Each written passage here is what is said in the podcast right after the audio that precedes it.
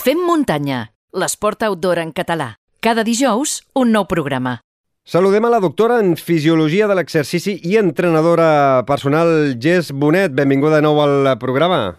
Hola, Xavi. Avui t'hem convocat perquè volem eh, parlar amb tu sobre aplicacions eh, que actualment, doncs, amb les darreres actualitza actualitzacions, per exemple, de Sunto, ens donen molta informació, eh, dades que fins ara no teníem, eh, i altres aplicacions com Training Peaks, també Garmin i altres aplicacions que ens donen dades de com estem entrenant, fatiga i tal, i no hi ha molta gent doncs, que a vegades ens pregunten, escolta, i això com, com s'ha de treballar, què significa, com a l'hora de, de, de, doncs, de planificar una, una, una, un, un repte, una, una cursa, doncs com, com ho hem de treballar. Però si et sembla, Gés, eh, a, a, a través de la nostra comunitat de, de Telegram hi ha oients que ens fan arribar doncs, preguntes i ja fa unes quantes setmanes, si et sembla, començo amb un parell de preguntes i si tenim temps eh, acabaré amb, amb algun dubte més, però ja fa unes quantes setmanes, per exemple, que l'usuari Pupes ens va dir bon dia, mm, tinc dubtes si faig entrenos a zona 1, zona 2, el dia de la tirada llarga o cursa, mai aconsegueixo estabilitzar-lo en zona 3 és la que acabo fent amb alguna estona de zona 4. No sé si és molt normal les ganes de donar-ho tot. Alguna recomanació, Jess? Molt bona aquesta. A veure, eh, primer de tot, això dels llindars és una miqueta un món, eh? perquè hi ha gent que en fa servir 3, hi ha gent que en fa servir 4, hi ha gent que en fa servir 5, val? o sigui, depèn de, depèn de qui li programi l'entrenament o si s'ho fa ell. Llavors, jo aquí d'entrada et diria, um, segur que aquests llindars estan ben calculats, és a dir, segur que aquestes zones d'entrenament estan ben calculades perquè Uh, si, si fem servir la referència de, de quatre zones, diríem que la zona 4 és la màxima, per tant, pràcticament a la freqüència cardíaca màxima, el, el nostre consum màxim d'oxigen, i per tant no podem estar molta estona en aquesta zona. I la zona 3 eh, doncs, hauria de ser una zona de, de, de llindar anaeròbic, entre llindar anaeròbic i, i freqüència i, i, perdó, i, i consum màxim d'oxigen, vale? eh, eh, potència aeròbica. Per tant, també és una zona que no podem estar entrenant molta estona. És a dir, que, que potser aquests, el que hauria de fer és com recalcular una altra vegada, potser fer algun tipus de prova d'esforç o fer-se ell algun test en el qual, per exemple, el test de Leger, no? de la pista d'atletisme, Uh, no el de 20 metres, eh, sinó el que vas donant voltes a la pista d'atletisme i cada 50 metres vas, eh, tens com una referència i cada dos minuts augmenta el, uh, el ritme en un quilòmetre hora. Val? Si el busca segur que el troba. És el test de la Universitat de Montreal Track Test. Això li serviria doncs, per de determinar quin és realment el seu màxim i a partir d'aquí que torni a calcular les zones, perquè jo veig que potser aquest és el, podria ser un problema. Si el problema és que té ganes de donar-ho tot, eh, em sembla fantàstic, però sempre hi ha d'haver un dia a la setmana que sigui un dia d'un rodatge més tranquil, com diu ell, no? la tirada llarga. La tirada llarga no podem fer-la sempre a tot gas, perquè llavors ens estem oblidant d'una cosa molt important que seria eh, el treball aeròbic, no? el treball de, de base on, on eh, eh, oxidem els greixos, etc etc. No? Llavors, eh, és important que aquest treball es faci doncs, un cop per setmana. Per tant, jo et diria que, un, miri a veure si realment té ben calculades les, les zones i dos, doncs que intenti mm, mantenir-se doncs, en un ritme uh, de zona 1, zona 2, que si no aconsegueix intenti enganyar alguna mica amiga que vagi amb ell, que sàpiga que porta un ritme més tranquil doncs perquè, perquè li faci companyia o que busqui, busqui alguna estratègia, però que sí que hauria d'intentar-ho fer. És a dir, que si no tens calculats bé aquestes zones, eh, estaries entrenant per sota de la teva zona normal, no, no eh, aniries per sota. És a dir, si tu et poses massa estona per zona 4, vol dir que potser estaries en zona 2, zona 3 real. Correcte, és que zona 4 potser, a veure, els megacracs poden aguantar-hi doncs, el consum màxim d'oxigen, doncs potser poden estar-hi 10 minuts els megacracs, però els que no són megacracs, doncs sí, no, aguantem, 7 aguantem, aguantem Va. poquet, aguantem poquet. I, i per això que, que, que si està molta estona, doncs jo crec que, que potser pot, ho hauria de recalcular. Mm -hmm. Doncs esperem que haver contestat la, la pregunta a l'usuari Pupes, eh, molt actiu a la nostra comunitat Fem Muntanyera de Telegram, i també l'usuari Alpsport ens diu tinc un dubte i volia saber si algú pot ajudar-me, faig trail i també mountain bike. I la veritat eh, que eh, entrenant les dues coses no aconsegueixo trobar el rendiment òptim en carreres en cap de les dues. No sé si algú té aquest problema o potser és millor dedicar-se eh, només a una sola cosa per rendir el 100%. Clar, home, jo et diria aquí, um, si vols seguir fent les dues coses, la meva proposta seria, jo ara mateix sincerament el calendari de mountain bike no me'l conec, eh? imagino que serà bastant similar al de trail, perquè per l'època de l'any i tal, però bueno, jo el que intentaria fer doncs, seria dividir, si vols seguir fent les dues coses, dividir l'any en dues temporades, no? Temporada de trail, temporada de mountain bike. Llavors, eh, la temporada de trail busquem en, prioritzem el trail per sobre el mountain bike val? I, el mountain, i la mountain bike ens pot servir com per, per fer aquest entre, aquests entrenaments doncs, eh, compensatoris no? eh, per, per disminuir una mica l'impacte però seguir fent un treball cardiovascular boníssim i eh, busquem el pic de forma del trail entrenant molt més trail i després acabem la temporada de trail i fem al revés, augmentem molt més mountain bike i potser doncs, passem a entrenar trail un dia per setmana, dos dies per setmana. O sigui, jo faria com, intentaria dividir l'any en dues temporades perquè estar a tope en les dues temporades mm, és difícil, eh? perquè a veure, són disciplines diferents, eh, pot tenir, segurament té un, una base cardiovascular brutal, però clar, els, els pics de forma, aconseguir-los si vol, amb les dues coses a la vegada és, és molt complicat. Hi havia algun usuari que deia molt que, per complicat. exemple, la, la, hi ha eh, molts esportistes que fan duatlons o triatlons i, i rendeixen sí. bé doncs, en bici i en córrer, per exemple, en duatlons de, de muntanya. Uh, aquí la qüestió és que ja hauries d'entrenar d'una altra forma a l'hora de fer duatlons o triatlons, no? Exacte, clar, quan tu planteges una duatló ja està ben combinat la, la, les, les dues disciplines, vale? però no vas a rendir al màxim en bici i al, i al màxim en, en córrer.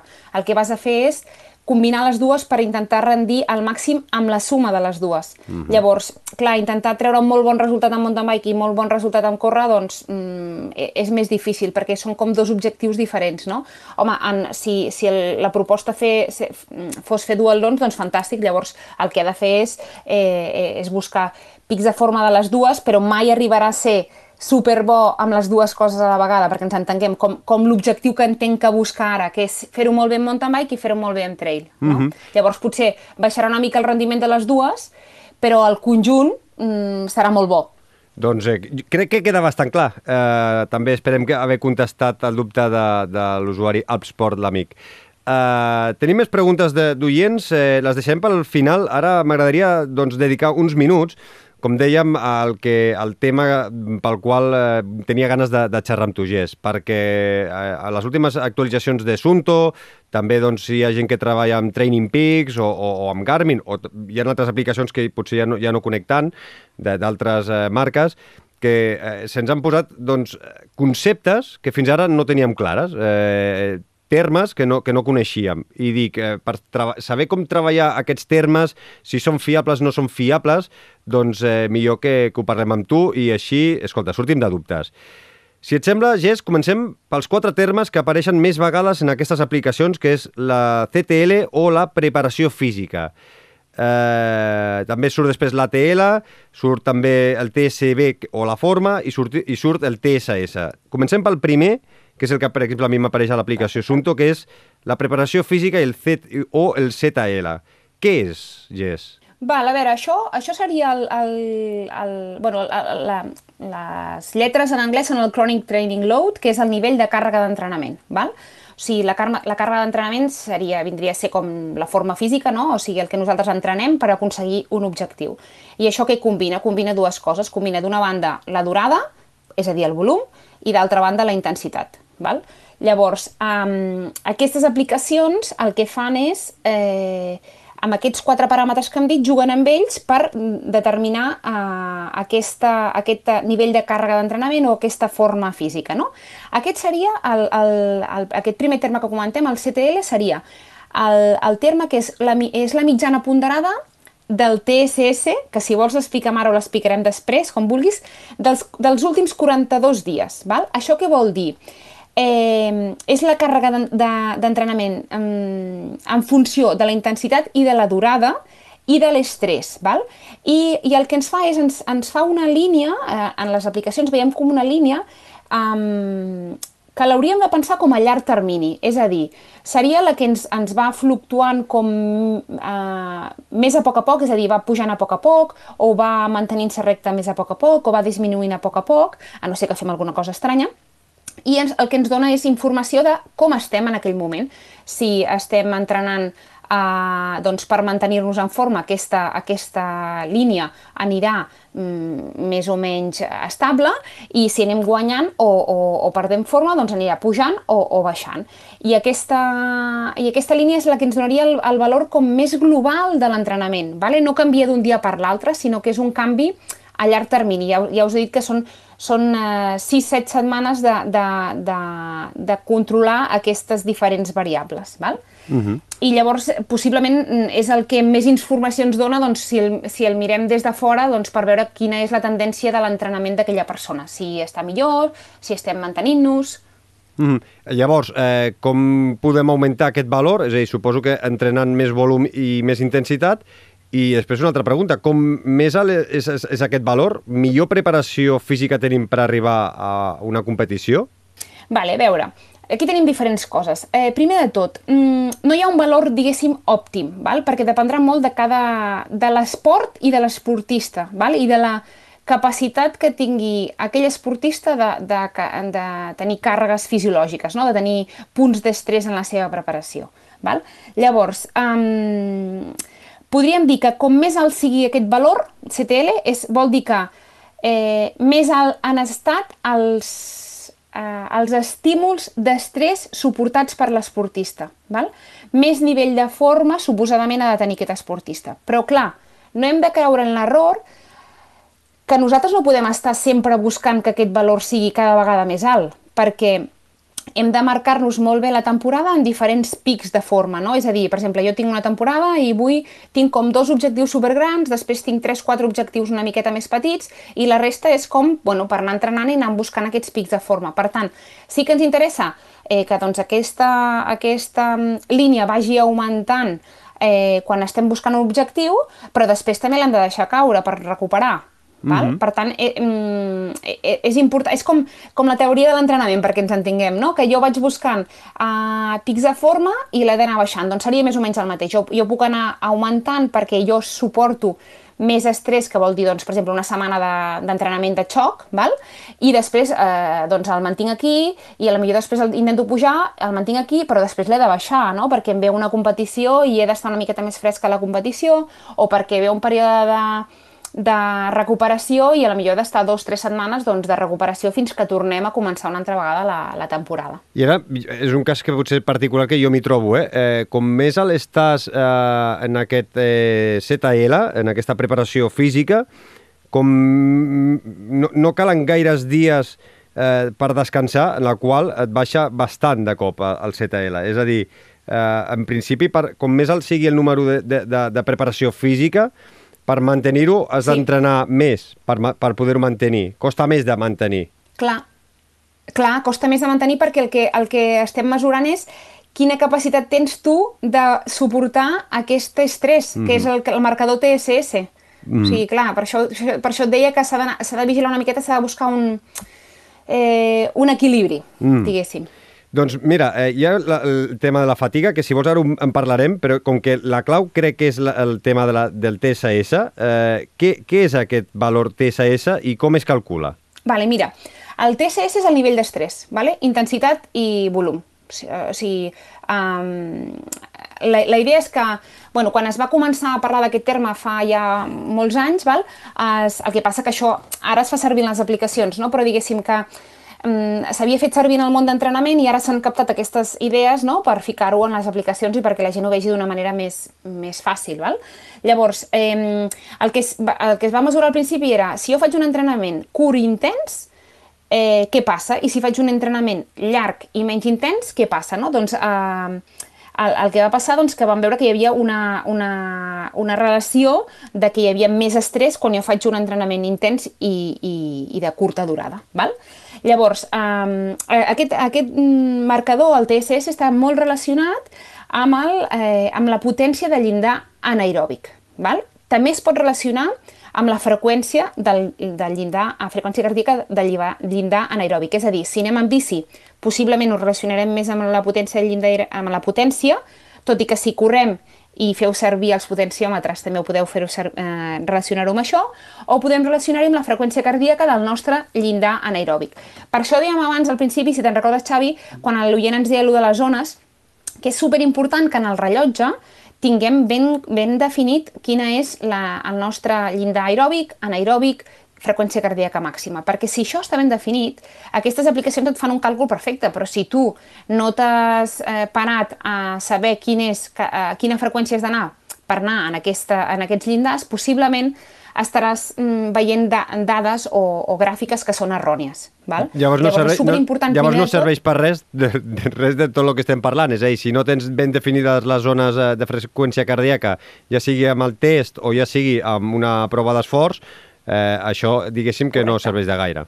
Correcte, és a dir, si tu, per exemple, eh, jo, jo la, la que més conec és la d'Assunto, no? però qualsevol altre, altre rellotge eh, et demana sempre al principi o que facis un test o que tu introdueixis doncs, certes dades, no? com alçada, pes, freqüència cardíaca màxima, i ara ja et demanen doncs, llindar aeròbic, llindar anaeròbic. Training Peaks, el mateix, també t'ho demana. I a partir d'aquí és quan tu eh, a, a mesura que vagis fent entrenaments, doncs ell, la, la mateixa aplicació tenia readaptant això i tu hauràs d'anar també readaptant a, aquests llindars, perquè, per exemple, potser eh, el llindar anaeròbic es, es, es mou no? de freqüència cardíaca, és a dir, si jo estic entrenant molt bé, possiblement a una freqüència cardíaca més baixa, eh, perdó, a, la, a una freqüència cardíaca la millor que estava per dir alguna cosa, 160, estava en el meu llindar anaeròbic, però és que ara estic entrenant tan bé que 160 ja no és el meu llindar anaeròbic, vale? per anar al meu llindar anaeròbic estic per sobre de 160. Val? Llavors vol dir que he aconseguit apropar aquest llindar anaeròbic al consum màxim d'oxigen, que és el que l'objectiu que busquem la majoria. Val? Uh mhm. -huh. Llavors, és molt important que aquestes dades estiguin ben introduïdes. Val? Eh, ells com a referència, si no, fan servir que un esforç d'una hora de córrer són més o menys 100 TSS o 3 hores de bici són eh, eh, 100 TSS.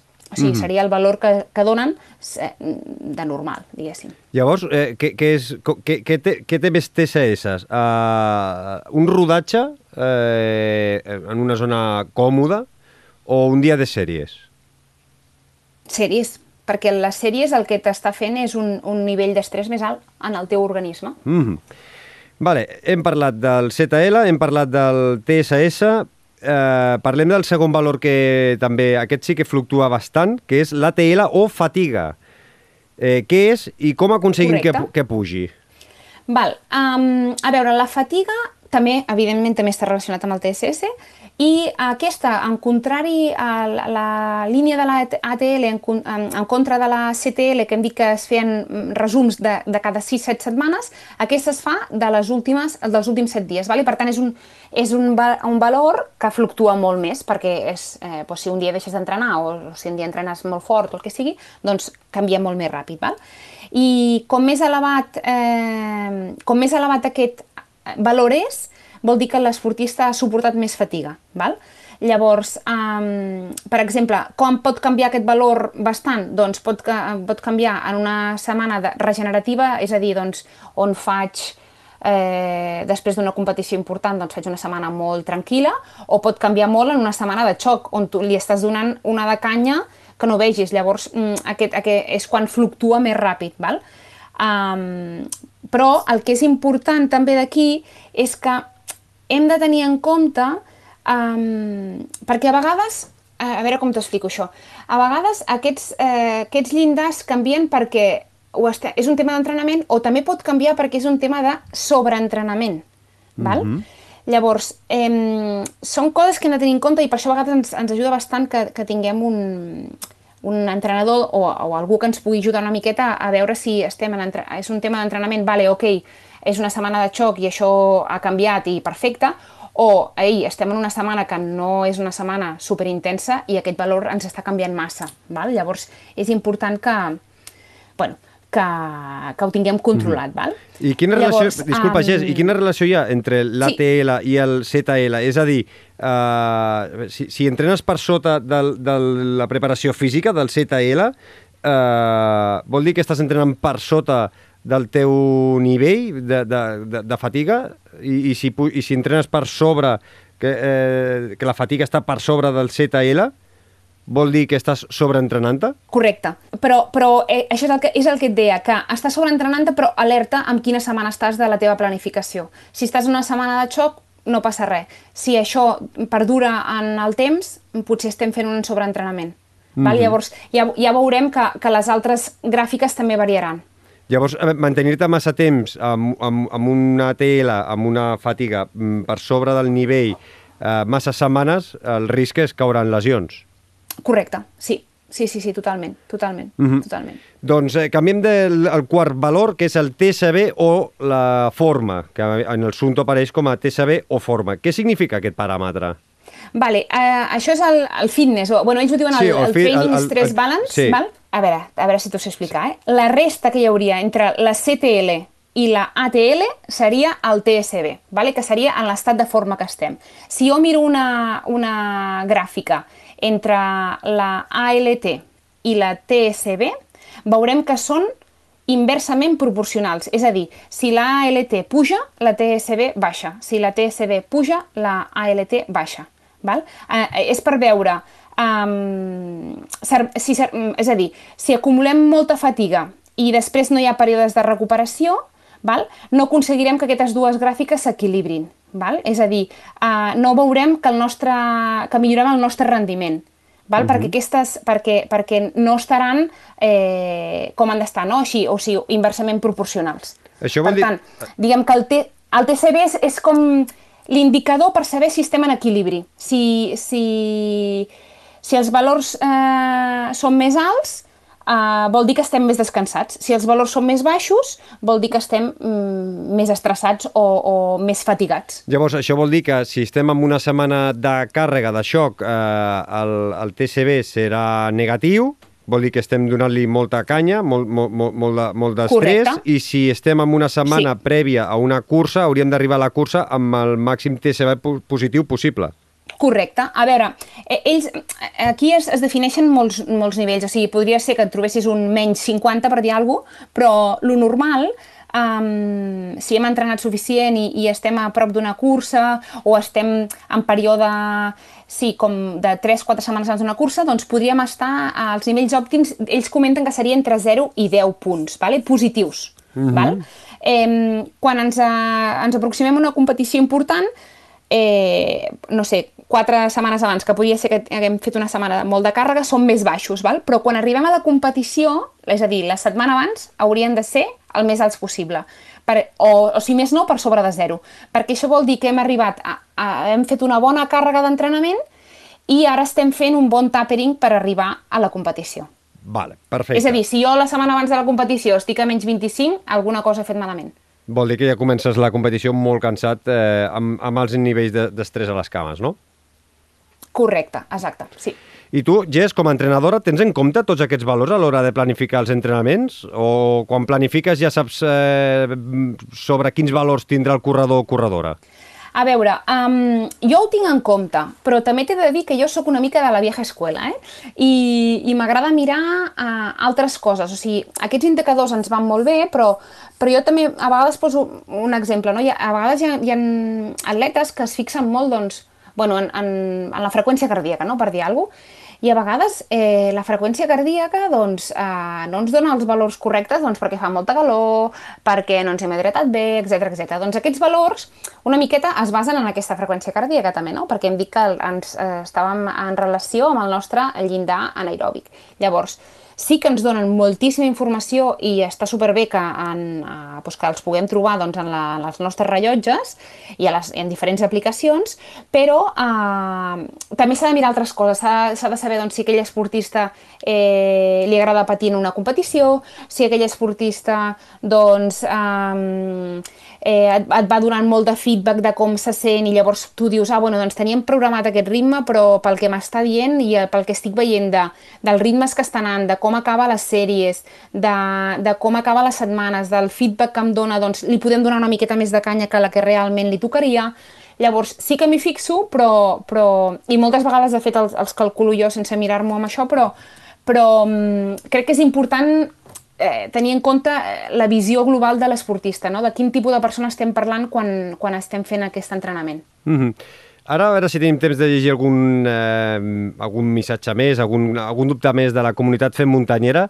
Uh, crec que, i espero Perfecte. i desitjo que hagi quedat clar tots els aquests quatre termes que us trobareu a moltes de les aplicacions. Uh, eh, sembla una mica enrebaçat, però crec que queda bastant clar i si teniu dubtes us podeu escoltar o reescoltar les vegades que vulgueu aquesta secció avui amb, amb la GES.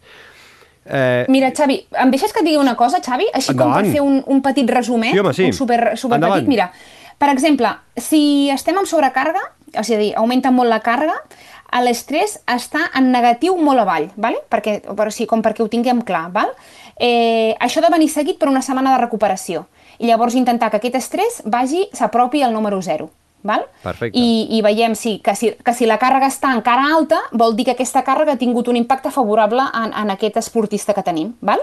Per tant, si jo tinc un est molt d'estrès, molt negatiu, i resulta que en quan faig una miqueta de tapering em va pujant a zero i, i l'atleta rendeix, vol dir que hem fet bé la feina. Val? No estem amb, sobre, amb sobreentrenament.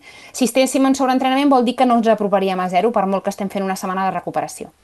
El dia de la cursa, eh, precursa, diguéssim, augment, au, au, haurem augmentat progressivament la càrrega d'entrenament, eh, o sigui, el CTL haurà disminuït la fatiga i llavors augmentarem la nostra forma, val? per tant estem llestos per competir.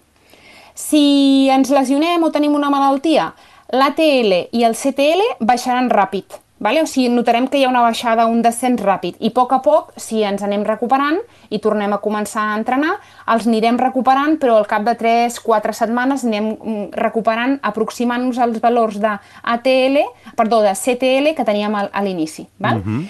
I si volem mantenir-nos, és a dir, mantenir que aquest CTL més o menys estigui així, vagi donant eh, pics, el que hem de fer és això, anar fent pics de forma, uh, amb més eh, estrès fisiològic i uh, haurem d'anar augmentant la càrrega si ens estem aproximant doncs, a, a, a una competició per després poder-la baixar per fer el tapering. Doncs eh, magnífic resum. Sí, sí, sí, sí, magnífic resum en dos minuts. Eh, jo crec que podríem agafar aquests dos minuts i treure tota la resta. No, no, que és broma, no. Però vull dir que eh, està molt bé eh, de, de, desenvolupar tota, tota la història i després doncs, que quedi clar amb aquest eh, resum final. Eh, a veure, Jess... és que a vegades, si no, sí, eh, sí, sembla sí. que parlem de xinos. Sí, no, és que a més a més el CTL, l'ATL, si entreu a les vostres aplicacions Sí, clar, habituals, ho veureu molt clar del que estem parlant. I crec que la Exacte, majoria de vosaltres exacte. eh, treballa o amb Sunto, o amb Garmin, o amb Training Peaks, o qualsevol d'aquestes Sí. aplicacions, i veurà del que estem parlant, i veurà eh, aquestes gràfiques, que és que a més a més eh, s'han posat podríem dir, de moda, sobretot eh, en el moment que Sunto ho ha posat en les seves eh, aplicacions fa potser uns mesos. Eh, Jess, hi ha molta gent que deu estar de vacances o a punt d'agafar les vacances i també hi ha gent que ens ha preguntat eh, doncs alguna recomanació per mantenir la forma. És a dir, hi ha gent que ens diu jo al setembre no tinc competicions eh, perquè no m'agrada entrenar a l'estiu, però tampoc vull perdre estar quatre setmanes sense entrenar. Eh, vull mantenir una mica la forma. Què els hi recomanes a tots aquests oients? Mira, jo, eh, primer, em sembla fantàstic que facin descans de, de, de l'esport que, que portem fent doncs, per, per fer competicions, no? que és trail, que és ciclisme, que és el que vulgueu. Val? Llavors, la meva recomanació és, clar que evidentment podem seguir fent exercici, però no ens prenguem l'exercici com un entrenament. És a dir, doncs potser aquestes tres setmanes que estàs de vacances no cal que fem sèries. Val? Mm -hmm. De fet, el, el nostre cos ens ho agrairà. El que hem de fer és doncs, un manteniment que pot ser, doncs, que... Imagineu- Imagineu-vos que fem trail, no? Doncs què anem a fer? Doncs anem a sortir a la millor dos dies a la setmana, doncs perquè ens ve molt de gust i ens agrada sortir a córrer, perquè al final la, la majoria de gent ho fem perquè ens agrada. Per tant, sortim a fer això sense fer sèries, sense fixar-nos en el crono, només per sensacions, gaudint del dia, que si ens parem a la meitat i ens fem dues fotos, doncs ens fem dues fotos, que si anem amb uns companys, perfecte, i llavors ho complementem amb altres coses que pel que sigui durant l'any doncs, no ens ve tant de gust o com que no tenim temps, doncs no ho fem. Com seria? Doncs poder sortir, feu sortidetes amb la bici, eh, un partit de vòlei amb, a, amb, a, amb els amics a la platja, eh, o de, de tennis platja, nedar una estona al mar. O sigui, complementar l'exercici amb altres esports que normalment no fem. Així seguirem en forma, però deixarem descansar una miqueta les articulacions, perquè no ens oblidem que eh, tot el que sigui córrer eh, Sí, sí. representa un impacte. Per tant, si ho reduïm aquestes tres setmanes, però a canvi ho substituïm per nedar, bici, això, un partidet d'alguna cosa a la platja, o sortir a caminar amb la família i fer una excursió de 3-4 hores. O sigui, canviar, intentar canviar una miqueta, una miqueta aquest impacte i, i seguir fent algun altre tipus d'esport. I sobretot, l'esport que fem normalment no el fem com, com, a, com a entrenament, sinó per gaudir un mm. dos dies a la setmana durant aquestes tres setmanetes. Mm -hmm. I ara, tot el contrari, eh, que tu al setembre o a l'octubre eh, tens eh, grans objectius, Suposo que el que has d'intentar durant les vacances és entrenar igual o inclús aprofitar alguna horeta extra que no tindries la resta de l'any, no? Doncs sí, malauradament, si esteu en aquest sac, que jo també estic, ja en ens som haurem dos. d'aguantar i haurem de... Ah, exacte, haurem de passar calor aquest estiu.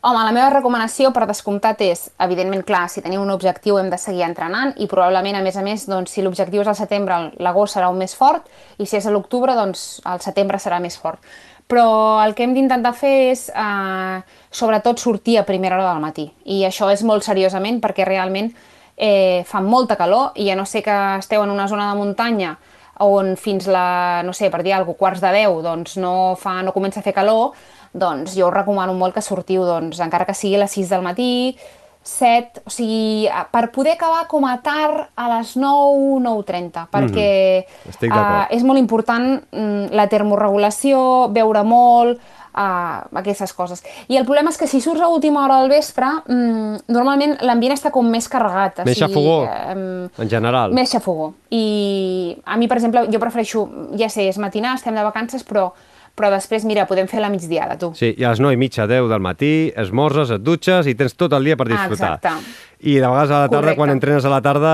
a vegades estàs, si has dinat més del compte, costa una mica més de sortir a les 8 del vespre. Uh, doncs mira, parlant de, par parlant de calor, uh, acabo amb tres preguntes, crec que ràpides, d'oients a través de la comunitat muntanyera de Telegram. El Fran, parlant de calor, yo llevo días preguntándome si se puede entrenar la tolerancia o fatiga que se tiene con este calor. Es pot entrenar a poc a poc per uh, aguantar millor la calorada o no? Bueno, sí, clar, a veure, per exemple, la gent que es preparen, que es preparen les, les curses aquestes, doncs, no sé, dels Monegros o, de, de per, o per córrer la al marató, desert... La marató de sable, sí. Ah, exacte, s'han d'entrenar amb això i, i evidentment que sí que es va tolerant però jo us diria que, que si no és l'objectiu, no cal que ho intenteu. Ara, mm, si us ve de gust, doncs feu-ho, però té més riscos que beneficis, és a dir, eh, intentar fer una tolerància a, a l'entrenament en calor, mm, com per exemple van haver de fer els atletes que van anar al Mundial l'any passat d'atletisme, no? que pobres estaven corrent una marató a 30 i pico graus amb una humitat horrorosa, doncs això per gust no cal. Que li preguntin a la Marta Galimanya entrenant eh, a segons quines hores al port, al, port, al port de Tarragona per al poder port aguantar... de Tarragona per, a, sí, sí. per aguantar les calorades i la humitat i la xafogó que es trobaria a Doha. Uh, mira, Totalment. Uh, Xavi, mira, respecte a això, mm, mira, ara que ve l'estiu, faig, una recomanació d'un llibre. Eh, Digues. ¿Cuánto estás dispuesto a sufrir?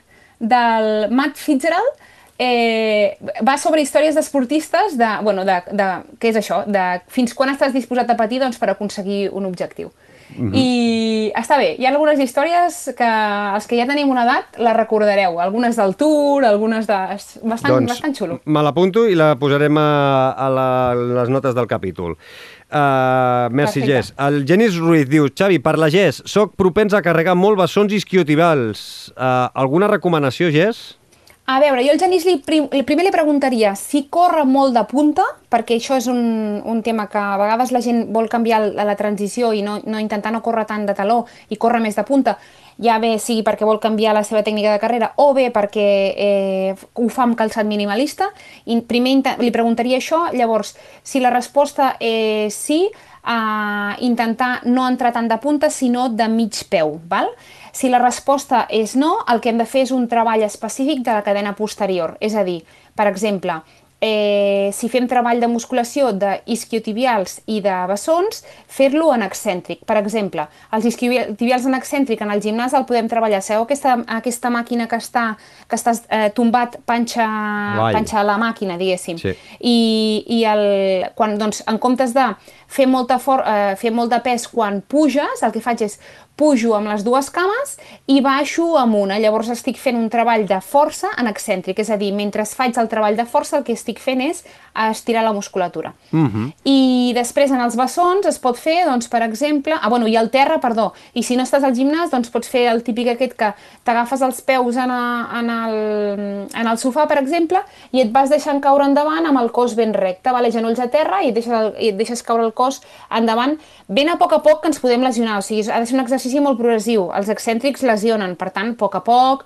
fem 3-4 repeticions, al cap d'una setmana tornem-hi, vale? o sigui, res de, de ser brutos en això. I els bessons els podem fer doncs, el típic exercici de que estàs en una escala, puges amunt amb les dues cames i baixes molt suau el taló avall a només amb una cama, vale? per treballar més, més en, en excèntric. Uh -huh. I després potser dedicar-se un dia a la setmana a fer un treball d'estiraments de la cadena posterior, que això li passa a molta gent que els acostumem a tenir els isquiotibials molt curts i si fem un dia a la setmana específic de 10-15 minutets de treball eh, doncs d'estiraments, ens va perfecte. I que entrin al teu Instagram, que està carregat de vídeos, eh, fotografies i explicacions de com entrenar, com estirar eh, tot tipus de cadenes eh, musculars. Uh, I acabo. El José, he llegit molt sobre els beneficis dels entrenaments a baixes pulsacions. Li podries preguntar la, la seva opinió sobre això? Doncs mira, el rei d'això segurament si he llegit molt, deu haver llegit el uh, The Big Book of Endurance Training, que és del, fi, del Phil Maffeton, que va ser l'entrenador del, del Mark Allen, que va guanyar com, no sé si 5 o 6 vegades l'Ironman de Hawaii i, i la seva fórmula és, és això, es basa en entrenaments de a baixes pulsacions, de fet has de calcular 180 menys la teva edat i després hi ha uns extras, eh? si has tingut no sé què, resta, si no has tingut no sé quantos, suma. Però és un treball de, molta, de, de fer molta distància a molt baixes pulsacions. A veure, jo mmm, d'entrada sóc més amant de la intensitat que del volum, però eh, t'he de dir que sí que és veritat que a un inici de temporada doncs, fer un treball eh, de molta base aeròbica, de baixes pulsacions, eh, doncs per, per fer una bona base, em sembla fantàstic. Ara bé, eh, per, fer, per fer aquest tipus de treball necessitem molta estona, i necessitem molta estona es tradueix en hi ha molt d'impacte. Llavors, jo sóc més partidari de que això es pot fer al principi de temporada, però després durant la temporada eh, s'ha d'anar buscant la, el temps mm, d'entrenament necessari. No mm. cal donar-li més perquè això vol dir que mm, com més impacte també ens podem lesionar més, més fàcilment. És veritat que si la intensitat és més alta, l'impacte també és més agressiu, però, però crec que mm, eh, és la meva opinió, eh? Hi ha molta gent que sí, no sí. opina igual, eh? Però la meva opinió és que jo, jo predomino la, la intensitat més que, més que el volum. El José volia saber la teva però opinió. Està, està molt bé aquest tipus de treball. I, sí, sí, i n'hi ha sí, molts sí, entrenadors... Doncs la meva opinió és aquesta, però I... per exemple Sí, eh, abans que parlaves de la Marta Galimany, doncs, per exemple, la Marta Galimany, atleta olímpica fantàstica, doncs ella treballa molt en, en volum, doncs perquè hem vist que realment el volum li funciona molt millor que la intensitat i no es lesiona. Per tant, és un altre criteri doncs, que té el, el, el seu entrenador. Uh mhm. -huh. Per tant, aquí cadascú mm, ha de veure una miqueta, eh, al final, és veure una miqueta eh, la teva experiència com a entrenadora, bueno, en aquest cas la meva, i, i després també l'esportista que tens davant, perquè hi ha gent que millor no, no tolera tan bé la intensitat. Llavors, Llavors, bueno, s'ha de jugar una miqueta en això. Doncs aquí queda la teva opinió i esperem també eh, que el José estigui respost, s'hagi donat per, per resposta amb aquesta resposta teva. Doncs, eh, Gés Bonet, eh, que entrenis molt, que tu passis molt bé aquestes vacances, aquest mes d'agost, aquestes setmanes que tenim aturada al Fem Muntanya, i que al setembre i octubre eh, comencis a tope. Ja anirem xerrant eh, de cara a la nova temporada. T'espero, eh? I tant que sí, i tant que sí. Xavi, escolta'm una cosa, va, Digues. per acabar, ja que és estiu, és que a mi a mi m'agrada molt llegir, també. Eh, I ho feia molt de temps que no podia fer gaire, va tenir altres menesteres. eh, un llibre que està molt bé perquè es llegiu els, els Fem muntanyeros i Fem muntanyeres, uh, si no ho heu fet ja, El corredor de muntanya, perquè va fantàstic, que hi ha molts, molts exercicis de com enfortir diferents parts del cos, és un llibre super didàctic, eh, que és de Francisco Javier Castillo Montes i que realment és molt interessant. Us ho dic perquè si això, el típic que a l'estiu no saps què fer, doncs mira, mires això i et treus aquí uns exercicis per fer-te tota la temporada. Doncs eh, apuntat queda. Eh, jo crec que hi haurà molta gent que, que li interessarà i deixarem eh, l'enllaç també al, el tinc aquí davant, que ja vam per la quarta edició, si no vaig equivocat, o potser ja inclús més, eh, ja. Doncs deixarem l'enllaç... Podria ser, podria ser. Deixarem l'enllaç a les notes del, del programa. Moltíssimes gràcies per tota Moltes aquesta, gràcies, per haver-nos acompanyat aquesta primera temporada de, del programa. Uh, continuarem uh, al setembre i el que deia, que disfrutis molt de les vacances i entrenador.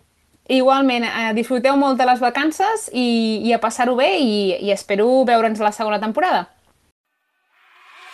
Visita la nostra web femmuntanya.cat